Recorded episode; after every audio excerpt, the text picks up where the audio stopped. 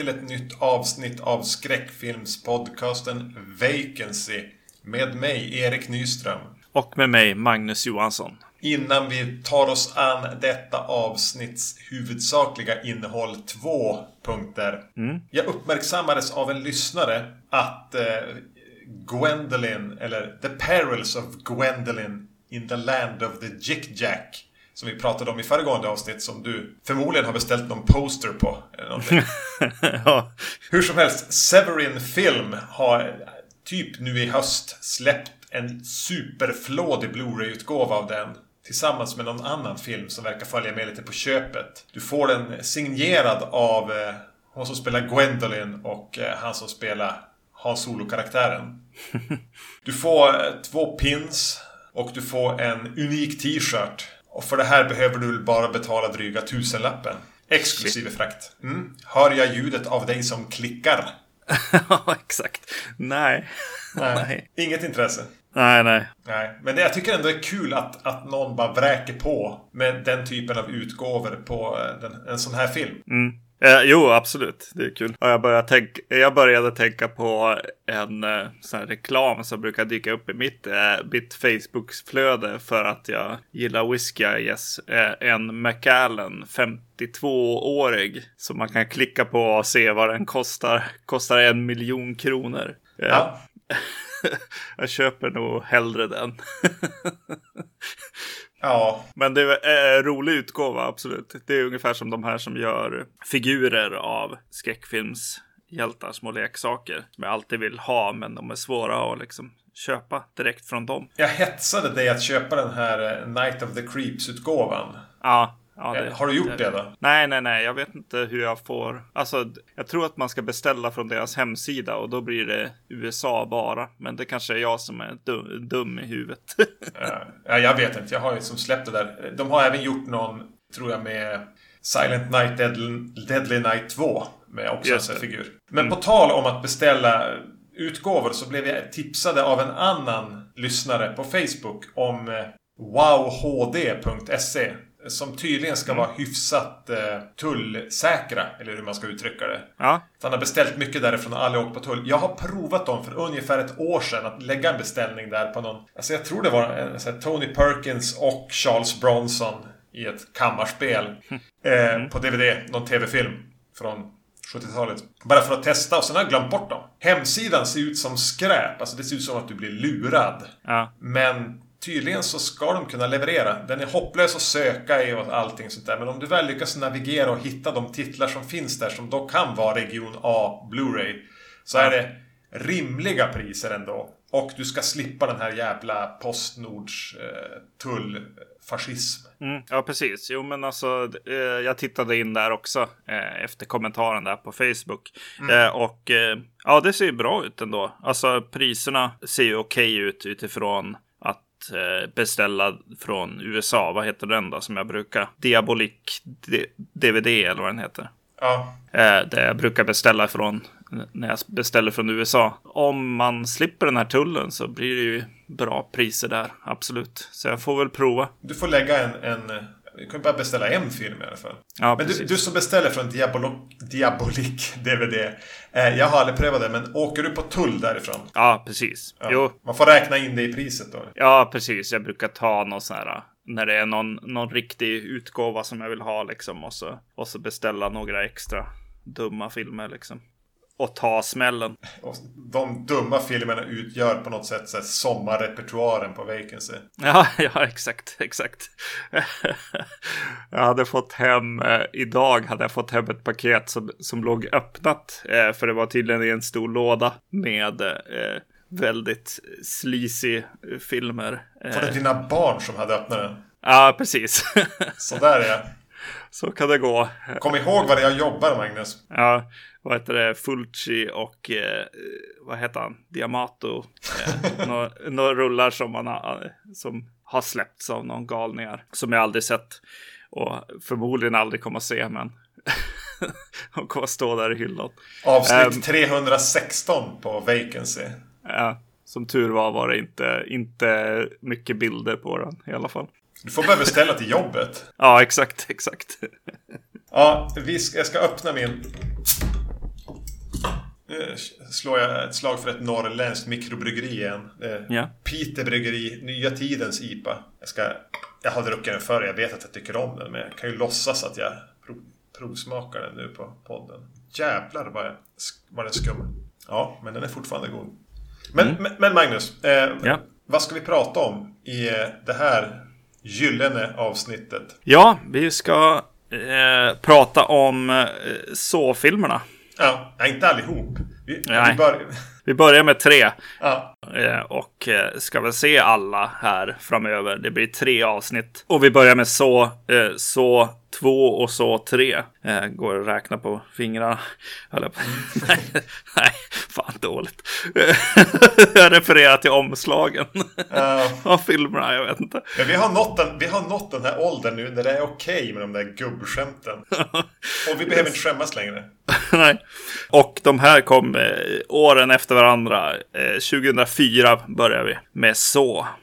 Relation... Ja, tidigt tänker jag det här kommer att bli någon slags spoiler-bonanza. Ja, absolut.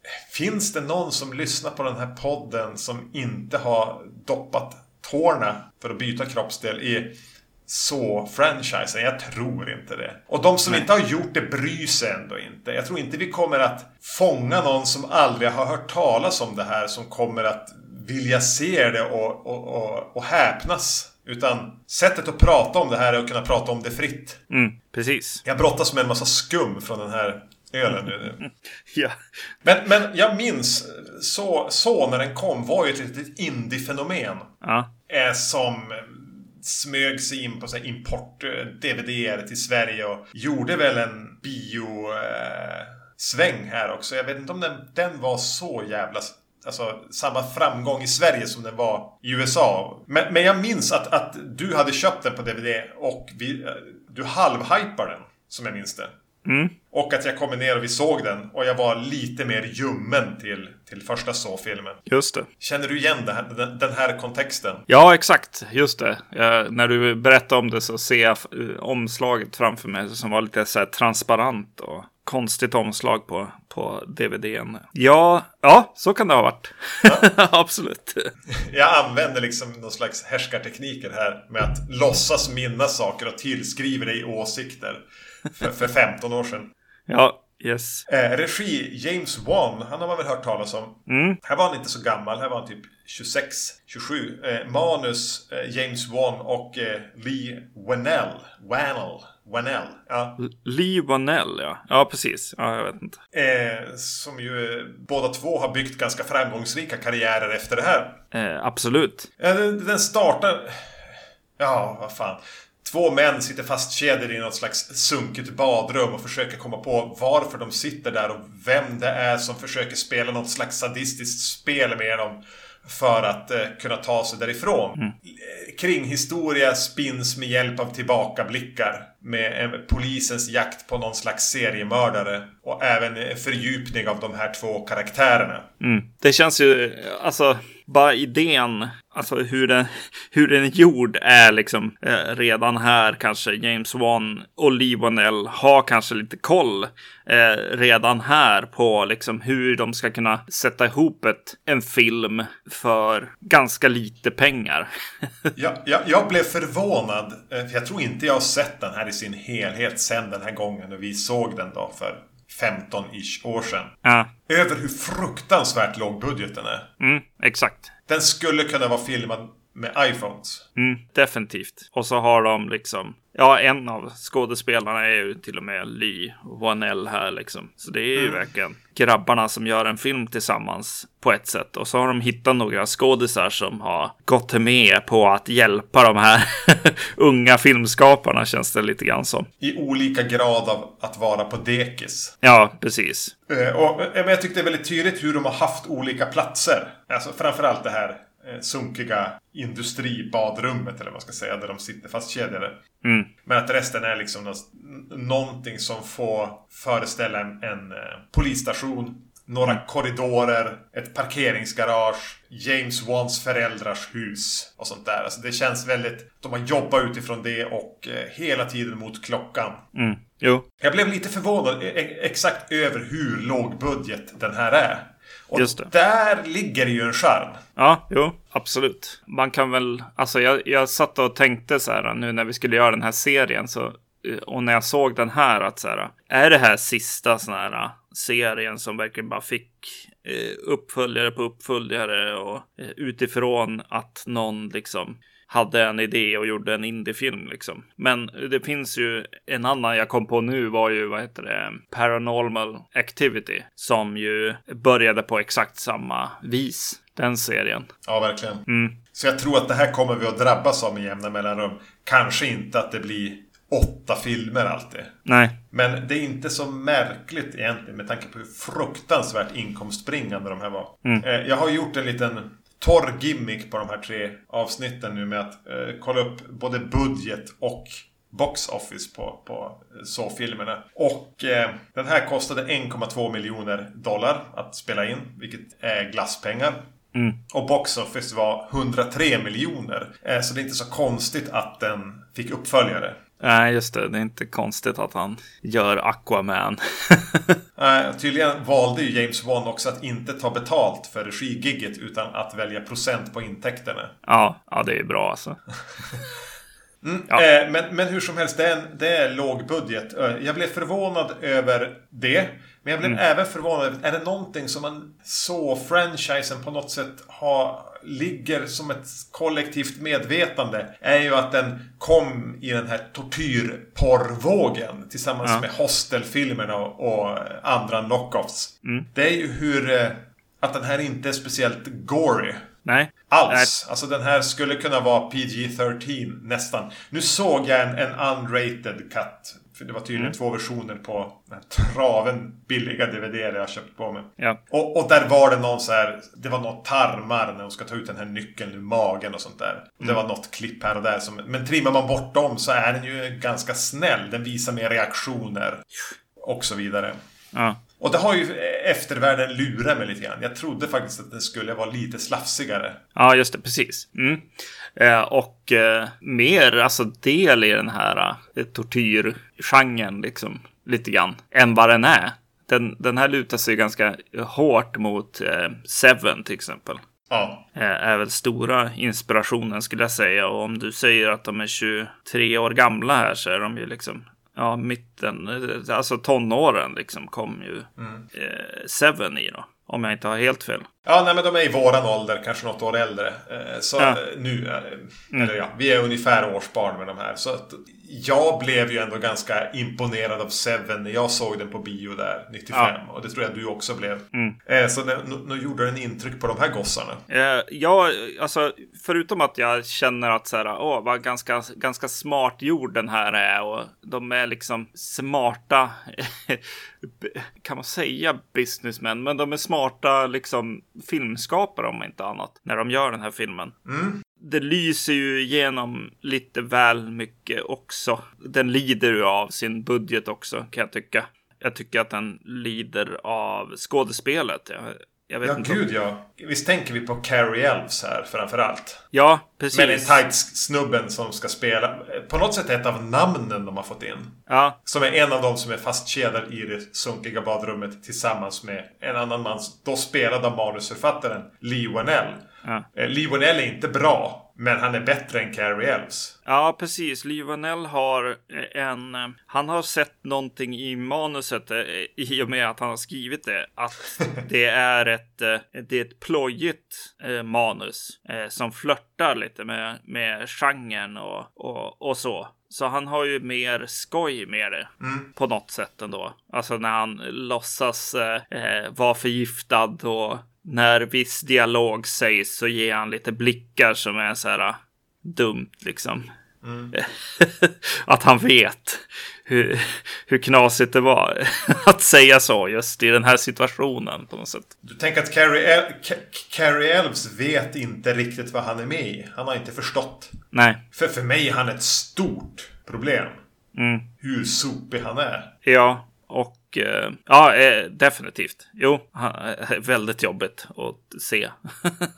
Han kämpar sig igenom det här. Eller det gör han ju inte, men ja, det, det, det står ut. Och jag kan inte tycka att Danny Glover är så himla mycket bättre heller. Nej, verkligen inte. Han, han kör total overacting också. Han har inte heller riktigt förstått. Nej, Jag tycker ju att, eh, ja men Lee Wanell, han funkar. Jag tycker att Tobin Bell som då spelar mördaren, The Mastermind Jigsaw, han tycker jag är bra. ja, Eh, och även då han från Lost här som spelar Zapp, eller vad han heter. ja, Ja, men han har också fattat vad han, vad, vad han är med i. Jo, och hon eh, eh, kvinnliga polisen där också. Vad heter hon? Alison Carey heter eh, Dina Meyer Ja. heter skådisen. Hon fattar också vad hon gör där och har ett mer naturligt liksom eh, sätt ställning till till den här eh, filmen.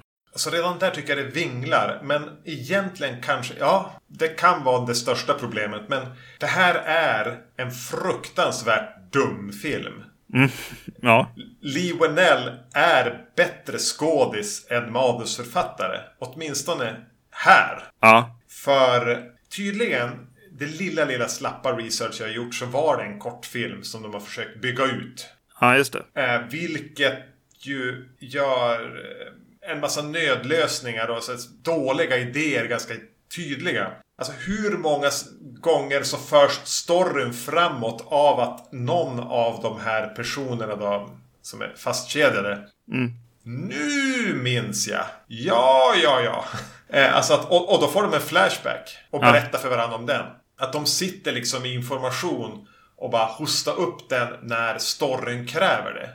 Ibland så, om de låtsas eller om det faktiskt är så att de minns det just då. Men eh, det blir bara så dumt, dumt, dumt. Och sen en sån här nödlösning som då, alltså egentligen allt som är utanför det här badrummet är otroligt idiotiskt.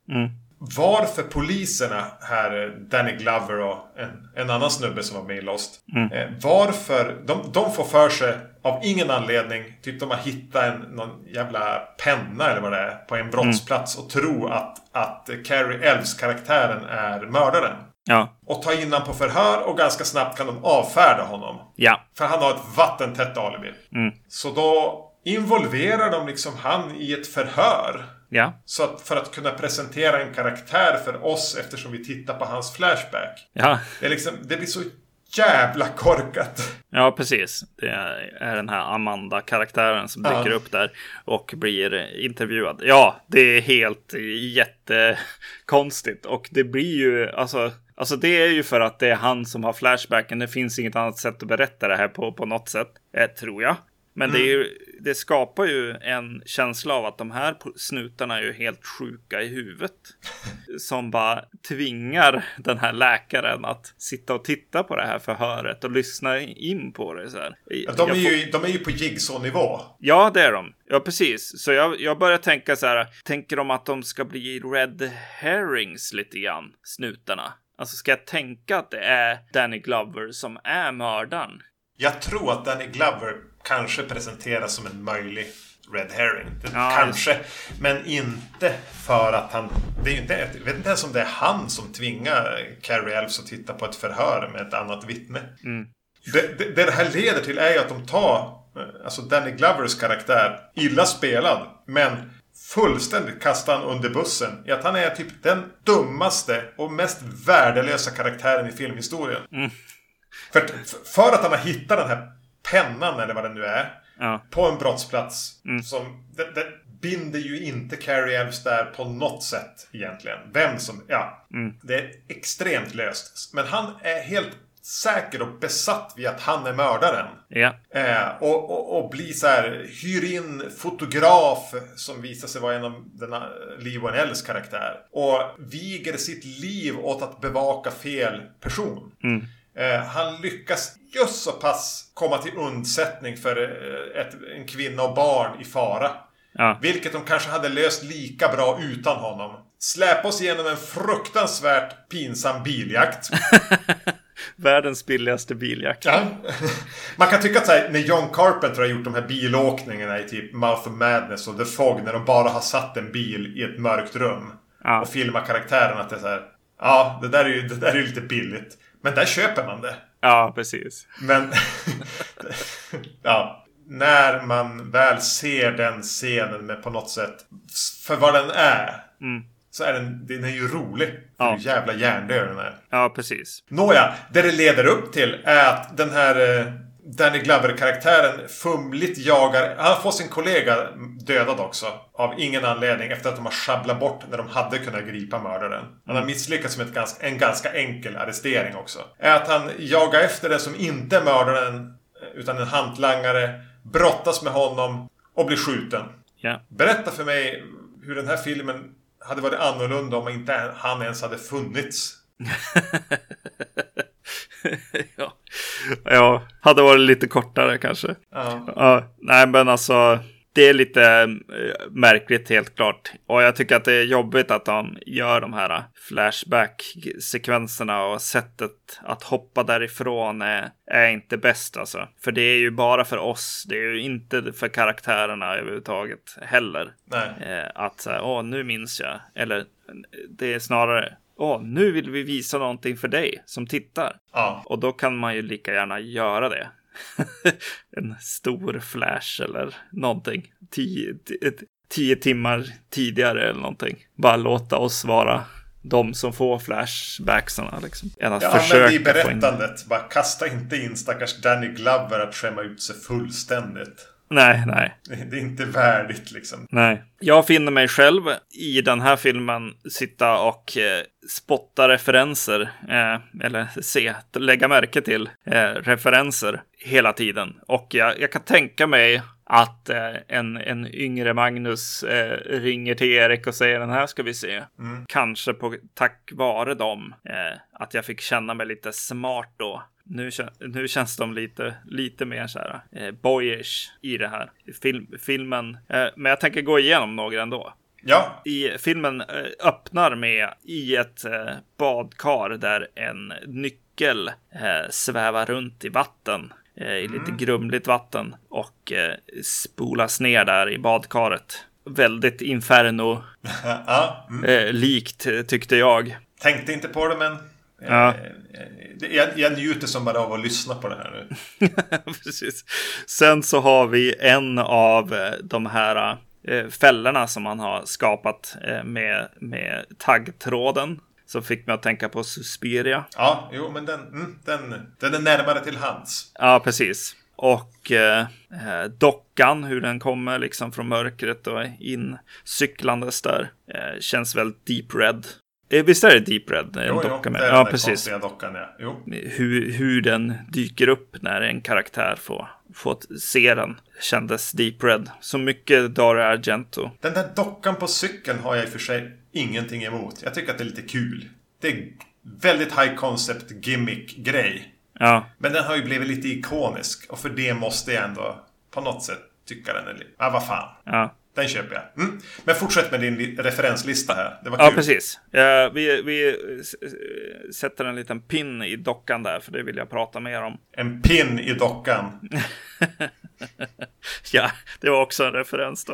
Eh, då ska vi se. Jo, och så, och så den, den stora är väl Black Christmas. Ja, det var eh, det jag tänkte på. i Ögat, där, ögat va? Eh, som tittar ut, som sen övergår till en, en väldigt kort eh, spök, eh, alltså halloween-spökning tänkte jag på också. För han kommer ut ur, ur den här eh, eh, platsen. Som för övrigt också är lite halloweenig. Mm. I, i, iförd något lakan eller någonting. I en snabb, snabbt klipp där. eh, Som, som kändes lite halloween. Det är väl de grejerna. Och nu kan vi komma tillbaka till dockan. Eh, för här är ju någonting som bara föds och eh, blir vad James Wan eh, gör. Här, skap, här skapar de en, en värld som går att eh, leka runt i och få, få göra lite vad man vill av sen. Det är som en nöjespark. Precis, att, att han introducerar den här dockan. De introducerar, ja, den här grismasken i kåpan och det. Den Eh, är också rätt häftig. Ja, det är den. Absolut. Sen, ja, själva jigs och band och tryck på, eh, på en bandspelare och hör, eh, få liksom instruktioner och de blir filmade med en filmkamera och de skapar ganska mycket liksom stoff till att, att expandera det här universumet med. Mm. Och det här lite twistiga. Ja, precis. en liten knorr. Mm. Eh, och, och det här med monitorer och så. Jag tänkte lite på, nu när jag sett dem alla tre, men jag kan droppa det redan här. 24 Ja, just det. var ju ganska stort här, vill jag Mm. tro. Ja, Ja, de, de, de, de, det finns en palett här. eh, precis. Och eh, det är ju, alltså det är ju smart. Det måste man ju säga. Alltså, det är att så här, bara kasta in en, en docka i en film och sen har du en ny filmfranchise i liksom. Eh, som man kan göra två, tre filmer av liksom. Det är ju smart. Det kan man inte säga någonting om, tycker jag i alla fall. Som, som hantverkare och affärsmän är man ändå lite imponerade av One Wanell-duon. Precis. Något, något mer som jag ändå tycker att den här presenterar, det är ju att James Wan ändå kan det här med skräckelementen. Alltså han, han kan bygga upp till en jump scare. Han vet hur det funkar. Det, det, det kan han. det, det tycker jag också att man kan ge han. Eh, jag tycker att det är kul eh, att flashbacks där man vet hur, vad som har hänt. Man vet eh, vart karaktärerna kommer att hamna. Men de gör skräckscener av hur de blir bortförda och insatta i den här, i det här rummet. Att de blir lite spännande är ju på ett sätt väldigt stort att klara av.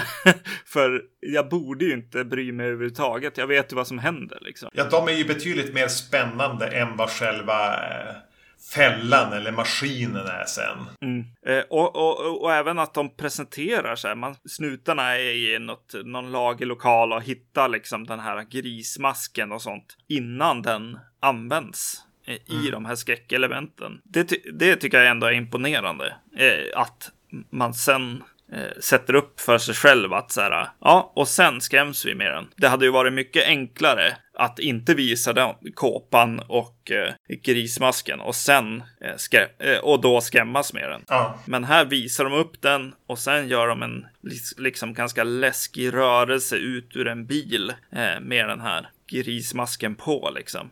Som, en, som jag ändå tycker är rätt bra hur den är, är, är filmad och det finns ett, en, en creepy känsla i den. Eh, och eh, sen eh, den här eh, gå omkring och köra med blixten, liksom fota ja. i lägenheten. Den eh, funkar väl. ja, för mig funkar den sådär. Ja, exakt. Jo, men det håller jag med om. Men just upprampen till build-upen till scaren, till jump scaren, tycker jag ändå börjar funka mot slutet av den sekvensen. Liksom. Jag tänkte på slutet här vad, vad och det här kan vi ha med oss in, in i nästa två filmer och, och, och genom hela det här projektet. Vad är det Jigsaw vill? Om vi nu ska kalla han för det, John Kramer.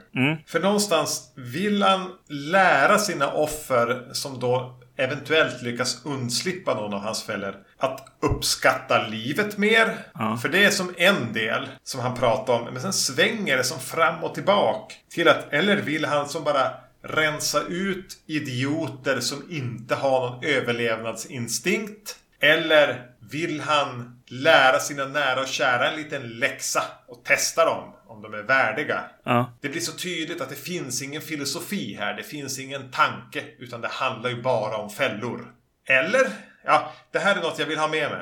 ja, precis, just det. Och det känner du av nu i, i den här första filmen också, eller?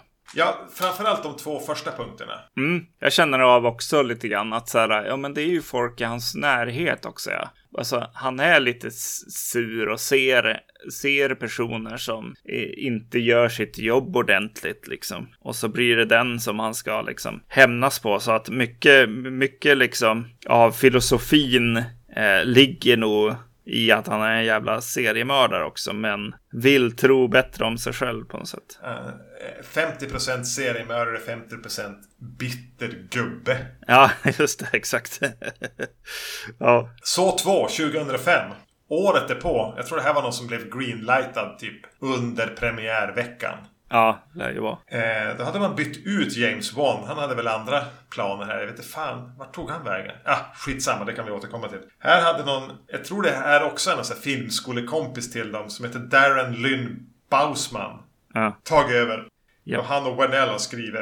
Mm. Och eh, den, den bygger ju vidare på eh, föregångaren. Här eh, är det återigen poliser som eh, jagar Jigsaw och lyckas i någon av hans gigantiska lagerlokaler eh, i princip gripa honom igen. Mm. Medan de har eh, den här eh, ilskna snuten spelad av Donny Wahlberg har honom i sitt grepp så får han veta att eh, hans egen son är en av några som samtidigt som de står här och har gripit Jigsaw ska liksom slå, försöka ta sig ut ur en eh, lokal fylld av fällor. Så vi, vi kastas mellan det att Donny Wahlberg sitter och skriker åt Jigsaw och eh, ett gäng random tråkmånsar leker Bodaborg. Ja.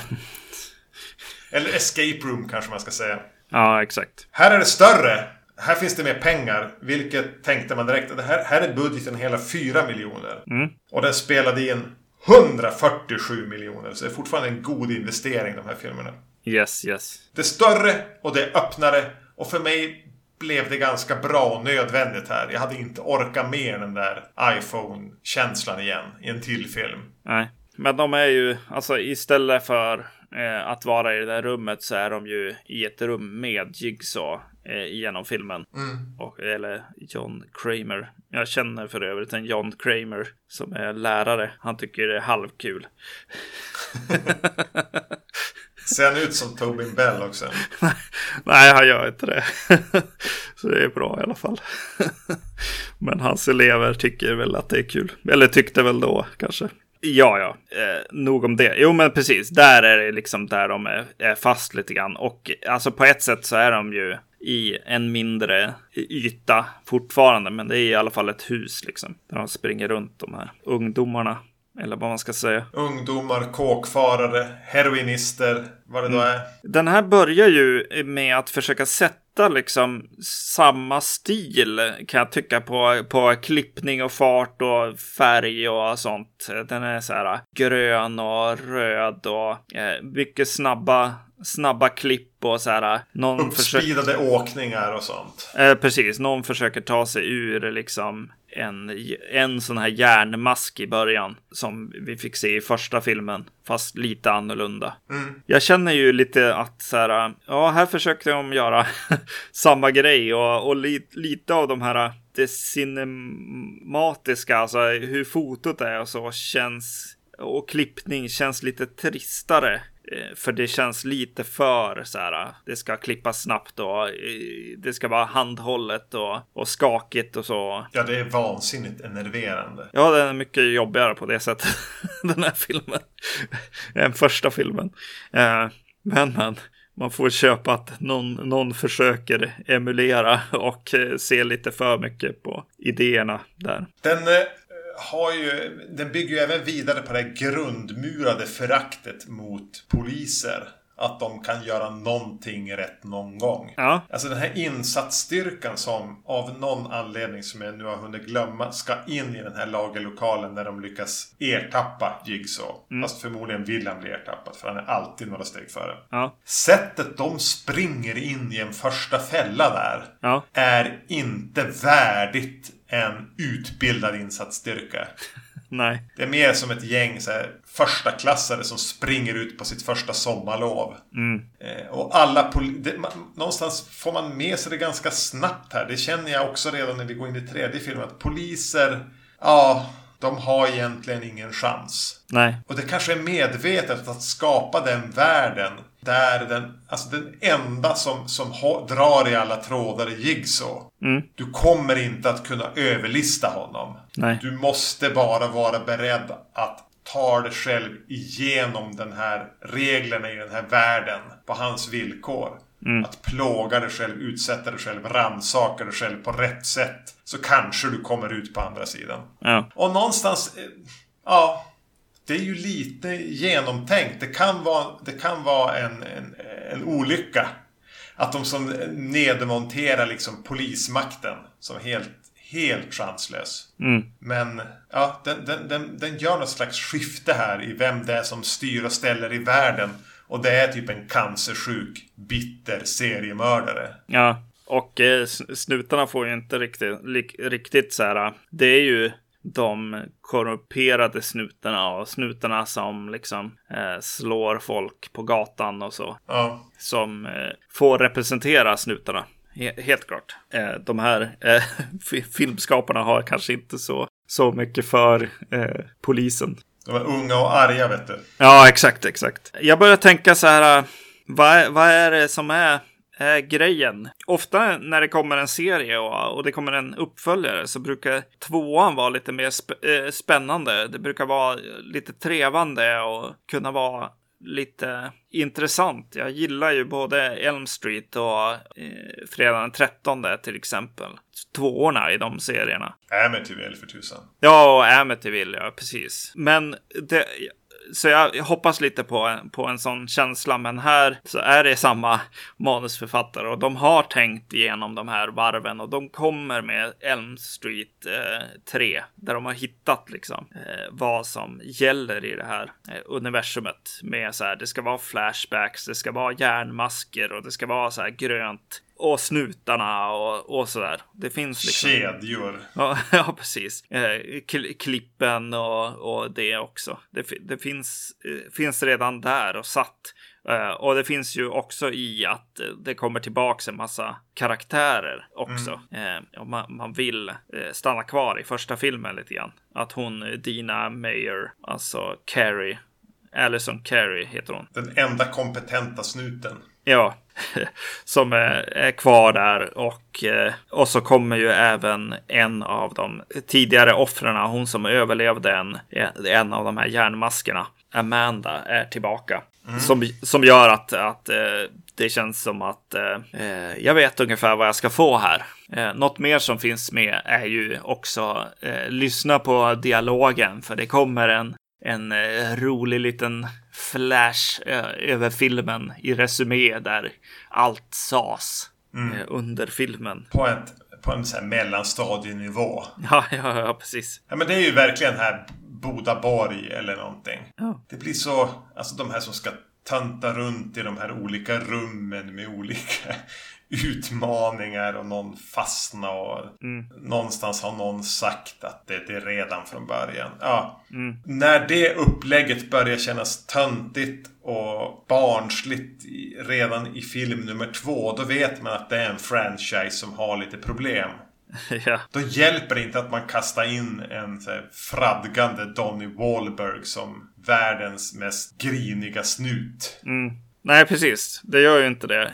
Även om det gör det ganska tidigt för mig. Alltså jag har en, en relation till Donny Wahlberg här från New Kids on the Block. Eh, som när han är med i film och skådespelar så är det i alla fall lite safe. Alltså jag kan känna mig lite trygg. Att det mm. kommer att vara okej. Okay. Han kommer aldrig eh, alltså gå över konstiga gränser och inte riktigt förstå vad han är med i på något sätt. Ja, men det kan man väl säga generellt om eh, uppföljaren att skådisarna är mer med i matchen. De är på sam spelar i samma film här. Mm. Även om i princip alla är tråkmånsar. Ja. Framförallt är Bodaborg-gänget. Ja, de är ju svårast. Eh, ja, de är svårast att följa kan jag tycka i filmen. För jag, jag tycker också liksom, det, det kanske är det lite halvnya som de introducerar. Det är mycket den här att dra ut en sprint och så börjar en timer gå. Ja. När det blir mycket så här escape room känsla. ja, det känns lite löjligt. Och, och jag, jag får inte riktigt, jag får så karikatyrer liksom av kriminella på något sätt är för, för tuffa eller för nedknarkade eller för liksom. Ja, jag vet inte. För mycket jag bär på en hemlighet. Exakt. Då blir ju hon Shawnee Smith, alltså Amanda från förra filmen. Mamma klamrar sig fast vid henne. Ja. Mamma. Ja. Jag älskar dig. Ja. Jag, släpp inte min hand. Nej. Eh, så hon har ju ganska mycket med sig här. Ja. man tycker om henne. Mm. För hon var ju trots allt med i kanske 45 sekunder av förra filmen. Exakt. Yes. Ja, och eh, hon beter sig liksom på ett helt annat sätt också. Eh, och gör saker i bakgrunden och sånt. Det är, är kul eh, när hon är med lite, lite grann. Mm. Och ho- hon eh, använder props och sånt också. Alltså i sina dialoger så kan hon eh, vända på en soffa samtidigt som hon pratar med folk. Det blir mer intressant på något sätt. Eh, än att jag är arg, jag är arg och jag ska vara själv, ensamvargen. det, det är lite för mycket liksom. De känns lite grann dataspels karaktärer-nivån. Mm, När alla egentligen bara har kanonmat broderat på hoodien. mm, Men det den här filmen vet, den, det, alltså den bygger vidare på första filmen på ett rimligt sätt. Jag tycker, alltså, den tar den inte i någon oväntad ny riktning, verkligen inte. Nej. Men den, den tar det vidare på ett sätt som ändå inte är dumt. Alltså om man tänker One Wanell Incorporated här. nej precis. Mm, Och den lyckas använda den här budgeten till att putta upp den nivå. Alltså i att göra det lite större, lite öppnare. Och eh, den... Eh, jo, och den, och den spinner vidare på det här tortyrporr-grejen. Att, att eh, man ska tycka det är lite äckligt. Alltså den här bilolyckan, jag vill inte titta. Men jag tittar ändå och det ska vara någon kedja som eh, drar i någon och någon ska lida. Eller det ska vara lite relaterbart med en massa nålar som sticks in. Och den, den, den lyfter upp det också till, till nästa nivå på något sätt. Ja, precis. Det, man, det jag kan säga att jag minns mest från den här filmen från tidigare, det är ju just det här nålhålet. Ett, ett hål i golvet där det är massa kanyler. Eh, äckligt, man vet att blir man stucken av sån får man någon sjukdom eller, eller så. Knarknålar liksom. Som man inte ska dela och sådär. Jag minns att den var så himla jobbig att se på när jag såg den första gången. Eh, och bara nej, nej, han puttar ner henne. Och så sen måste hon göra det här och det är så hemskt. Och, men eh, den här gången fick jag en helt annan känsla. Jag tyckte att, att effekterna såg så här, eh, nästan lite komiska ut. Lite Elm Street 3 igen. och eh, ja, och de kanylerna kändes rena och eh, det kändes kliniskt på något sätt. På ett helt annat sätt än vad jag minns det som. Jag minns det som jättegrimy och äckligt. Men jag fick inte samma känsla eh, i den scenen den här gången. Nej, den är ju snarare stylish då. Jo, att det- precis. Musikvideolooken. Jo, Eh, men när man i så här backspegeln vet att hon är någon slags dubbelagent, hon som blir nedkastad. ja. Så får det ju en liten punchline. Jo, exakt. Jo. Eh, att se om den, för jag visste ju det nu när jag såg den. Och den här vet även att ja, men vi ska inte stanna för länge. Utan Nej. den bryter där vid 90 minuter. Det här är ingen film som tillåter sig själv att svälla utanför vad den borde tillåta sig själv att svälla. En av ja, de här tortyrgrejerna som jag vill nämna också innan vi eh, går vidare är den här gla, eh, glasburen typ. Som någon bara får en så här, the, the antidote, vilket är ju löjligt i sig, men Ja.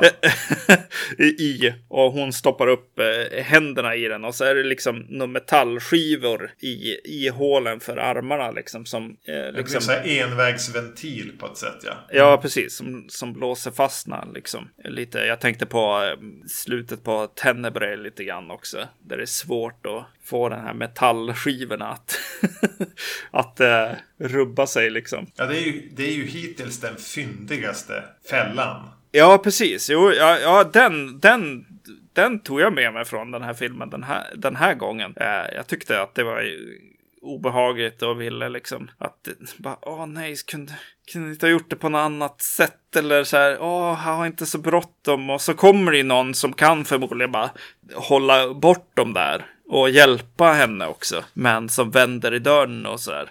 Det är en ganska bra eh, scen kan jag tycka då. Eh, eller i alla fall utifrån hur jag kände när jag såg den. Och jag fann mig själv tänka också eh, under filmens gång så här, varför ska det vara så skitigt? Jag började tänka så här, bygger han de här ställena eller hittar han platser där han sätter in fällorna i? Ja. För att det här är ett hus och de försöker öppna ytterdörren och så är det liksom eh, barrikaderat ett lager till liksom utanför. Så jag fick liksom lite känsla av att det här huset är ju inte ett hus utan de är i en annan lokal där han har byggt ett skitigt hus i.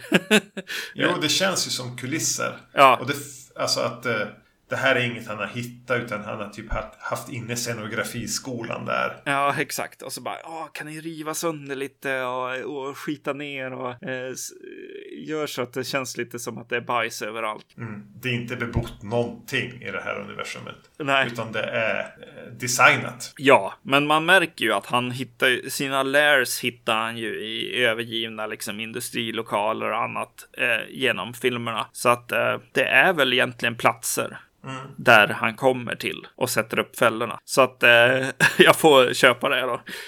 Det var vad jag kom fram till att det handlade om i alla fall. Något som slår mig, det är mycket, mycket igen att så här, vi berättar för för mig, alltså som, eh, som publiken. Det kommer tillbaka lite grann här också. Och eh, framförallt så är det hela, alltså slutsegmentet cirkulerar kring eh, rummet i första filmen. Ja, just det. Mm. De kommer till det och eh, det finns mycket connections till första filmen. Men det är inte connections till de här två eh, männen i ett eh, badrum. Men ingen vet ju vem någon där inne är. Ja, och för, i första filmen så gör de en massa flashbacks och grejer och visar att de vet att det finns en seriemördare där ute som gör alla de här grejerna och vi får se lite flashbacks och vi får se Amandas eh, liksom flashback på, på något sätt när hon sitter i en stol där i något rum och, och har den här eh, masken på sig. Och för karaktärernas skull så tänker jag att det borde ju vara där vi är i slutet i så fall. Om vi ska göra någon, någon typ av resa med henne här så blir det väldigt svårt då att få det till att eh, det ska vara i det här rummet. Särskilt nu då när vi är i, i andra filmen och jag sitter och ser den. Det, det försöker väl förklaras lite senare också, men just nu så blev jag mest eh, confused kring det. Ja, försöker den förvandla oss tittare till liksom ytterligare en av dem som är med där. För vi har sett filmen, så därför är vi med i Ja. det här. Men, ja. Nej, jag tror inte den är så att den försöker spränga någon, vad är det, fjärde vägg. Nej, nej. Utan den är bara halvdum. Ja, ja, precis. Ja, jag kände lite så. Och, och jag då som publik kan tycka att det är roligt att Lionel sitter där död i hörnan.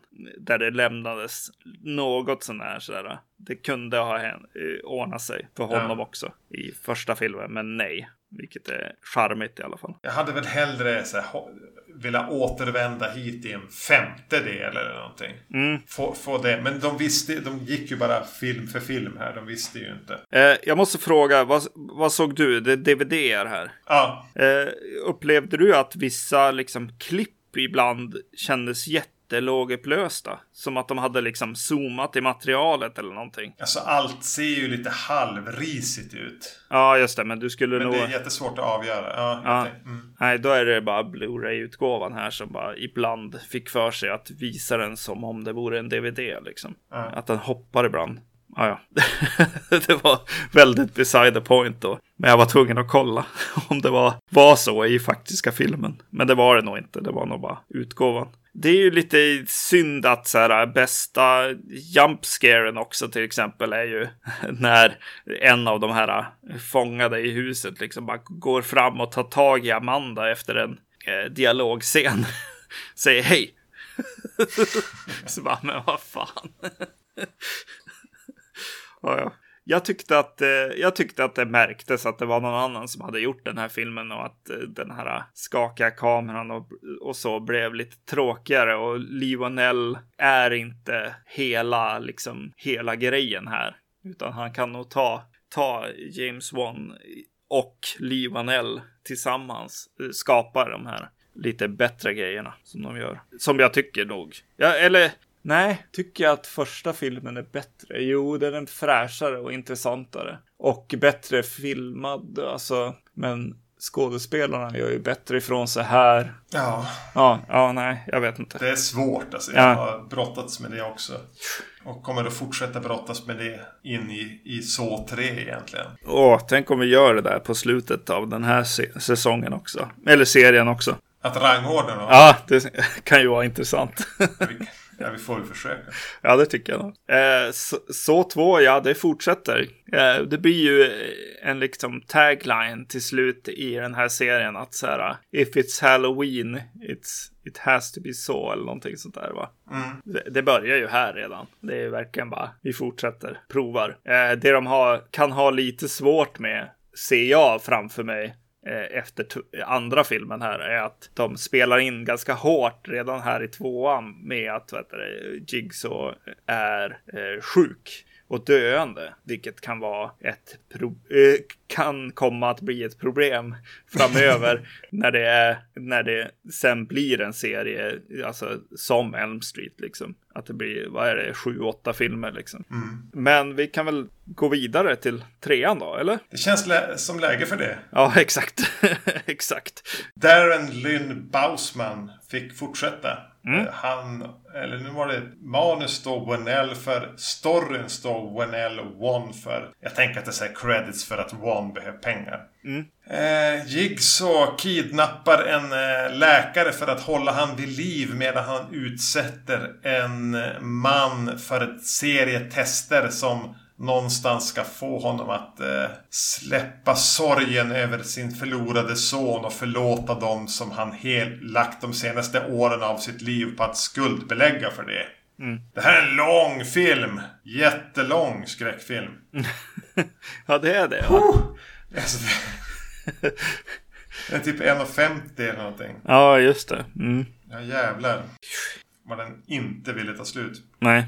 Ja men den, den här delar ju också upp sig då i, i, i någon som går igenom en massa äventyr och ett märkligt liten eh, trio med den kvinnliga läkaren Amanda som är någon slags fångvaktare och sidekick till Jigsaw. Och Jigsaw som ligger och eh, håller på att dö av sin hjärntumör. Och måste överleva i två timmar till. Ja, eller 1,50. Ja, när du Ja. sa att den var lång nu alltså. Då, Kände inte du det? jag kände ju att det hände en massa saker. Och nu direkt när du sa att den var lång så finns det massor av saker att ta bort. Alltså jag börjar... Väldigt mycket. Ja, jag läser mina första notes här och så här bara. Ja, den börjar där tvåan eh, slutar. Eh, Donny Wahlberg eh, kämpar sig igenom någon slags flört med första filmen. Och eh, sen går vi vidare och då är eh, den här Carrie, det- detektiven tillbaks och Rigg som eh, också är, har, en lite större roll i de här snut, snutarna i, i tvåan. Är tillbaka också. Och på, eh, fortsätter väl jaga Jigsaw lite, lite löst sådär. Eh, för att bara komma till en, en någon, någon slags eh, sätta punkt för en karaktärsscen. Ja, det kändes väldigt märkligt. För jag bara... Jag blev lite glad när den här Carrie-karaktären dök upp igen och var på en brottsplats. Ja, Och bara, ja men okej. Det här är det man får ut av att se de här så 1 till 3 på typ fyra dagar eller vad det nu är jag har sett dem. Mm. Jaha, den här karaktären är faktiskt med i alla. Den, den är den smarta snuten som håller sig lite i bakgrunden men som ändå har koll. Ja, och alltså de, de gör väl en ganska bra psycho-grej där, alltså på ett sätt. Alltså, för jag är ju redo nu att följa henne genom filmen här. Och eh, eh, känner ju, alltså, eh, känner ju att det var tråkigt att hon går och dör här. Ja, väldigt onödigt. Alltså, ha inte med henne då. Nej, det är en riktig sån här uh, I want out död kände jag som i Halloween Resurrection. Men alltså, ingen hade ju brytt sig om hon inte hade varit med. Nej, Jag han börja bry mig om henne för att hon är med en tredje gång. Men hade hon inte dykt upp här så hade jag haft lika lätt att acceptera det. Och någonstans i det här finns det ju en sån här dubbeltagning. För hon är först med på en brottsplats med någon som har blivit sprängd i ett rum där de som ändå kommer fram till att vänta nu, den här mannen hade aldrig en chans att klara Jigsaws utmaning. ja, Jigsaw fuskade. ja, Det känns inte som Jigsaw. Och, och det är ju även det, man får en, en double take med hennes, hennes död. Ja, Är ju att hon klarar ju sitt eh, obehagliga uppdrag. ja, Men Jigsaw har fuskat så hon dör. ja. Behövde vi få den informationen två gånger? Ja, nej, inte direkt. Och man hinner ju bli godetrött. Alltså redan när jag får den här tillbakaklippningen till den här kedjade mannen. Ja, Och hopp mellan brottsplats och den faktiska händelsen. mm. Vad less jag är på kedjor. Och inte att ge mig in i någon så här ja, återvinna järnbransch. Aldrig. ja eh, precis. Man får hoppas att eh, ingen mer så film börjar med ett, ett mi- eh, misslyckat försök till att ta sig ut. Jag, jag, jag väljer att tro att ingen av de efterföljande fem filmerna kommer att börja så. nej, exakt. Inga kedjor kommer att vara med i någon av de efterföljande filmerna. Nej, nej, nej. Eh, absolut, så kommer det vara. nej, det är, det är lite tråkigt. Alltså, ja, det, Jättestolp i början, visst är det det? ja, det är det. Och sen så dyker ju den här pappan vars son har dött i en trafikolycka som har ett hämndbegär eh, någonting och försakar sin eh, dotter på grund av det. Alltså, det finns väl ingen, alltså det finns väl, alltså jag måste bara tänka så här, är det något man ska sätta sig in i? Ska jag, ska jag tänka på honom överhuvudtaget? Eh, ska jag känna med honom no- eh, och kommer jag tycka att hans resa är av intresse? Det vet, det vet jag inte. Jag, jag, eh, eller är det jag som bara har en väldigt stark åsikt om att hämnd är inte en bra väg att gå? som gör att så här bara, ja, nej, det här funkar inte. Jag tycker ju illa om honom eh, och det ska jag väl göra. Eller? Ska jag tycka Yeah. illa om pappan här eller ska jag tycka att det är jobbigt att han är där inne? Vill man... Man, vill, ska, man man ska vilja att han förlåter alla. Är det så? Ja, Men han har ju den här... Alltså han ser ju ut som en karaktär i ett datorspel. ja, Och har liksom samma djup. Och det går inte att... Alltså det blir så här obehagligt svårt att relatera till han. ja, precis. Exakt som du säger, man hamnar i någon ofrivillig, obehaglig ambivalens. Ja, Som samtidigt är så underutvecklad att den inte spelar någon roll. Mm. Utan han fös, blir som bara föst igenom det här. Och alltså det är ju ointressant. Jag tror att de vet det också, för de börjar klippa så här. De klipper me- mellan med den här svajiga kameran, studsar mellan tagningar så här. Alltså bara, Åh, nu föll han ner lite grann, men nu står han upp igen. Och det är som att det gör det mest intressanta av de här scenerna som de kan liksom. Jag tror även att, att eh, de valde att klippa till det andra händelseförloppet. Alltså lägga mer tid där. Ja. När de upptäckte hur trist det här var. De måste ju ha upptäckt det i klipprummet. Ja, precis, men de kan också. Det kan också vara så att de vill att det ska vara ett sidospår helt enkelt. Alltså att du ska inte lägga så mycket energi på, på det här. Du ska vara i rummet med Jigsaw. Så att glöm, glöm aldrig bort det. Eh, Det här är bara sidohändelser. Alltså eh, de här eh, som sidokaraktärerna som dör i en slasherfilm liksom. Eh, Scener, filler. Det här blir ju problemet när man, när man tar en, alltså en slasherfilm och, och gör den för svår. Alltså Ja. har för mycket i den. Ja, precis. Så Jo. blir det så här flera ointressanta lövtunna intriger som ska vävas samman till något som inte håller. Mm. Jag tycker att det är intressant att de fokuserar på Amanda-karaktären här. Och, Ja. eh, det, blir, eh, det blir lite kul. Hon är liksom, om farsan är svår att förstå så är det mer för att jag har svårt att se hans världssyn, i alla fall just nu, i det läge jag är i. Medan eh, Amanda är mer intressant och de ger mer fokus till Amanda för att eh, det finns fler aspekter av henne och, och det är svårt att riktigt så här. Hon är svår på ett intressant sätt. Mm. Hon är mer en gåta. Ja, eh, vad vill hon? Hur känner hon? Vad, eh, vad är hennes konflikt? Eh, och man vet det inte riktigt, men man känner den ju lite. Och relationen till Jigsaw är intressant också på något sätt ändå. Eh, och att de har lagt in en, eh, den här eh, kvinnan, läkaren som är där för att hålla han vid liv. Mm. Och att det finns en nerv i det triangeldramat på något sätt. Ja, det är ändå ov- en oväntad dynamik som är lite intressant. Ja, som jag inte förväntade mig här. Nej. Att det blir liksom ett, ja men som du säger, triangeldrama i mångt och mycket. Sen handlar det om lite, det är fällor där också, och så grafiska operationsscener och sånt. Mm. Eh, som garnering på det. Men ja. Mm. Alltså, det var inte dit jag trodde den skulle vandra. Nej, nej precis. Och då har jag ändå sett den här förr. Men jag hade, jag hade inga minnen. Nej, hon, alltså jag tror att hon nämner i andra filmer varför hon är där igen. Då pratar väl om att liksom hon börjar, hon börjar skära sig. Självskadebeteende kom tillbaka på något vis. Ja, Sen blev det lite vagt om det var någonting hon fejkade eller om det faktiskt var så. Och här fortsätter det vara lite vagt och konstigt. Alltså, ja. storymässigt. det kommer en sån här scen när hon liksom går undan och drar ner byxorna och skär sig i låren med en kniv. Alltså det är ju väldigt ovanligt att se ja. på film. Alltså med inslag av att prata överhuvudtaget om att skära sig. I alla fall i film jag ser. Mm. Det är ju ett, ett, stort problem i, i samhället. Det är inte många filmer som tar upp det och helt plötsligt så dyker det upp här. Vad vill de säga med det?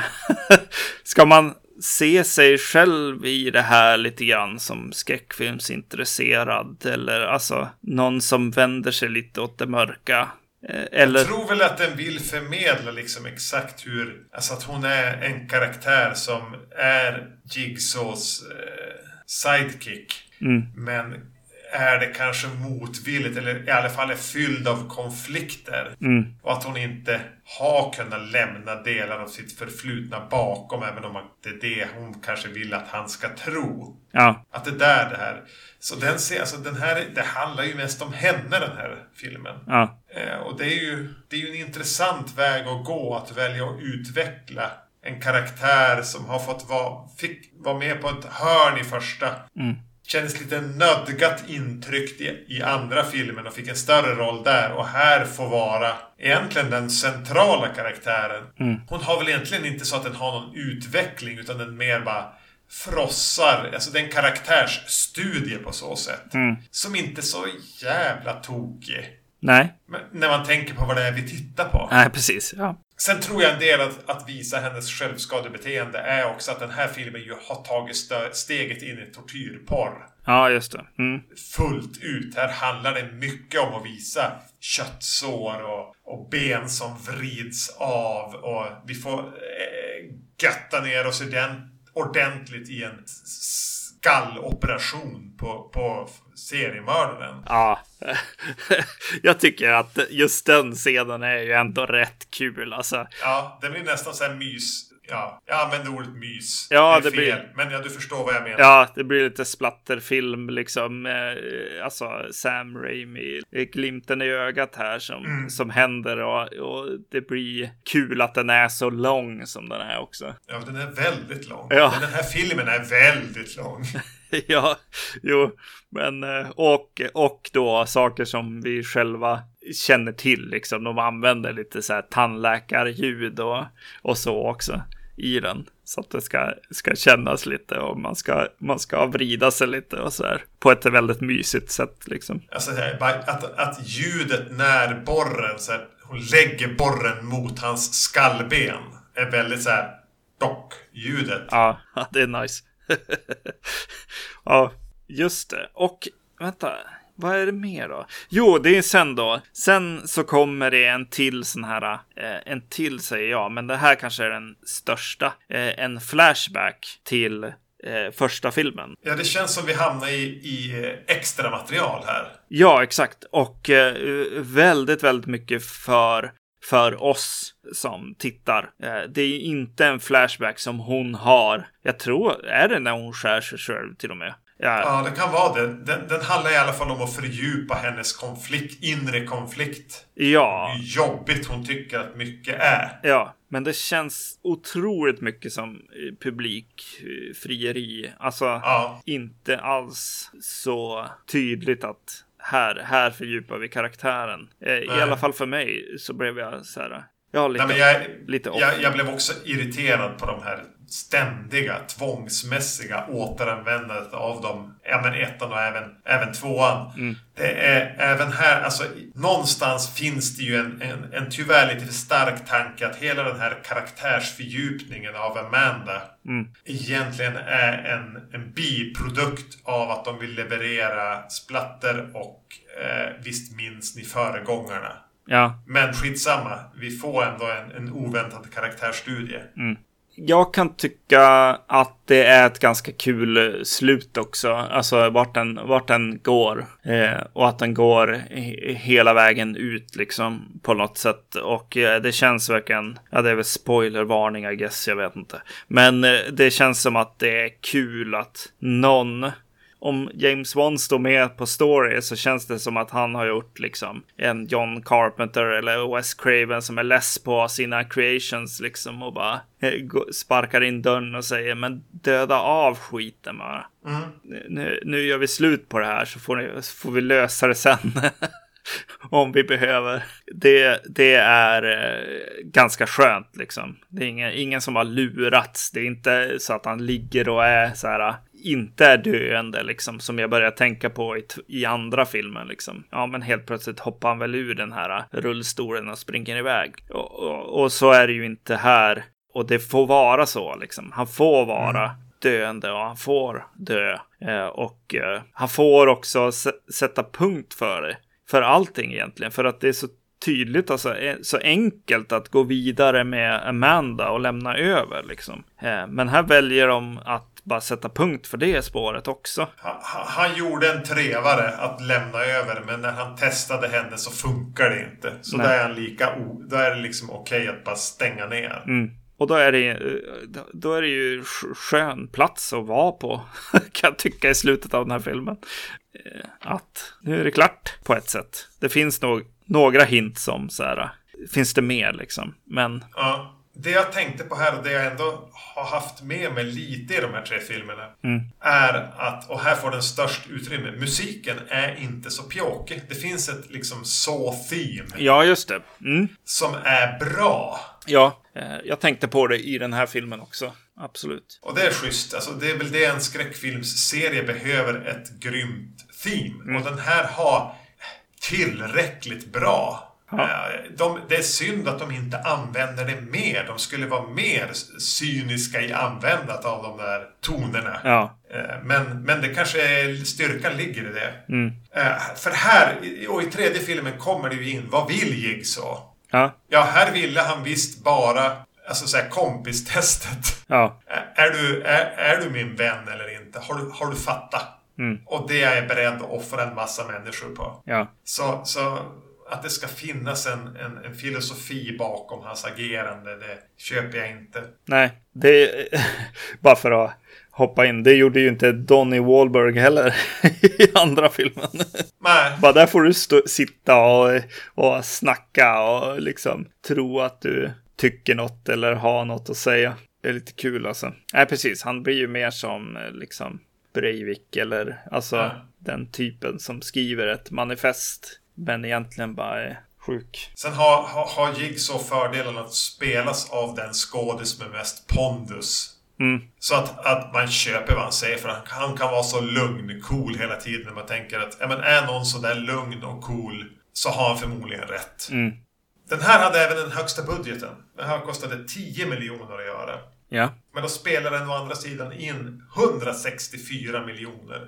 Som mest hittills. Ja. Eh, vilket väl var lite synd. För någonstans tänker jag att jag skulle vara beredd att acceptera det här som en Saw Trilogy. Ja. Det är avslutat här. Mm. Jigsaw är död, Amanda är död, alla vi har lärt känna är döda. Ja. Alltså i, i, idag, jag var lite peppad på att se den här. Jag ville se hur det, hur, hur det här skulle tas ihop. För jag hade minnet av att ettan var vad den var, tvåan och trean på något sätt var de här lite fläskigare filmerna.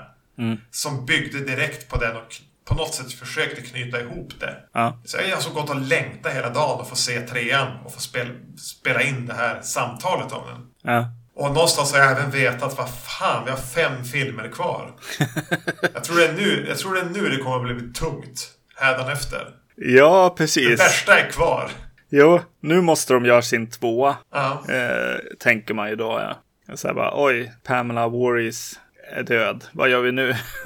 Ja. ja.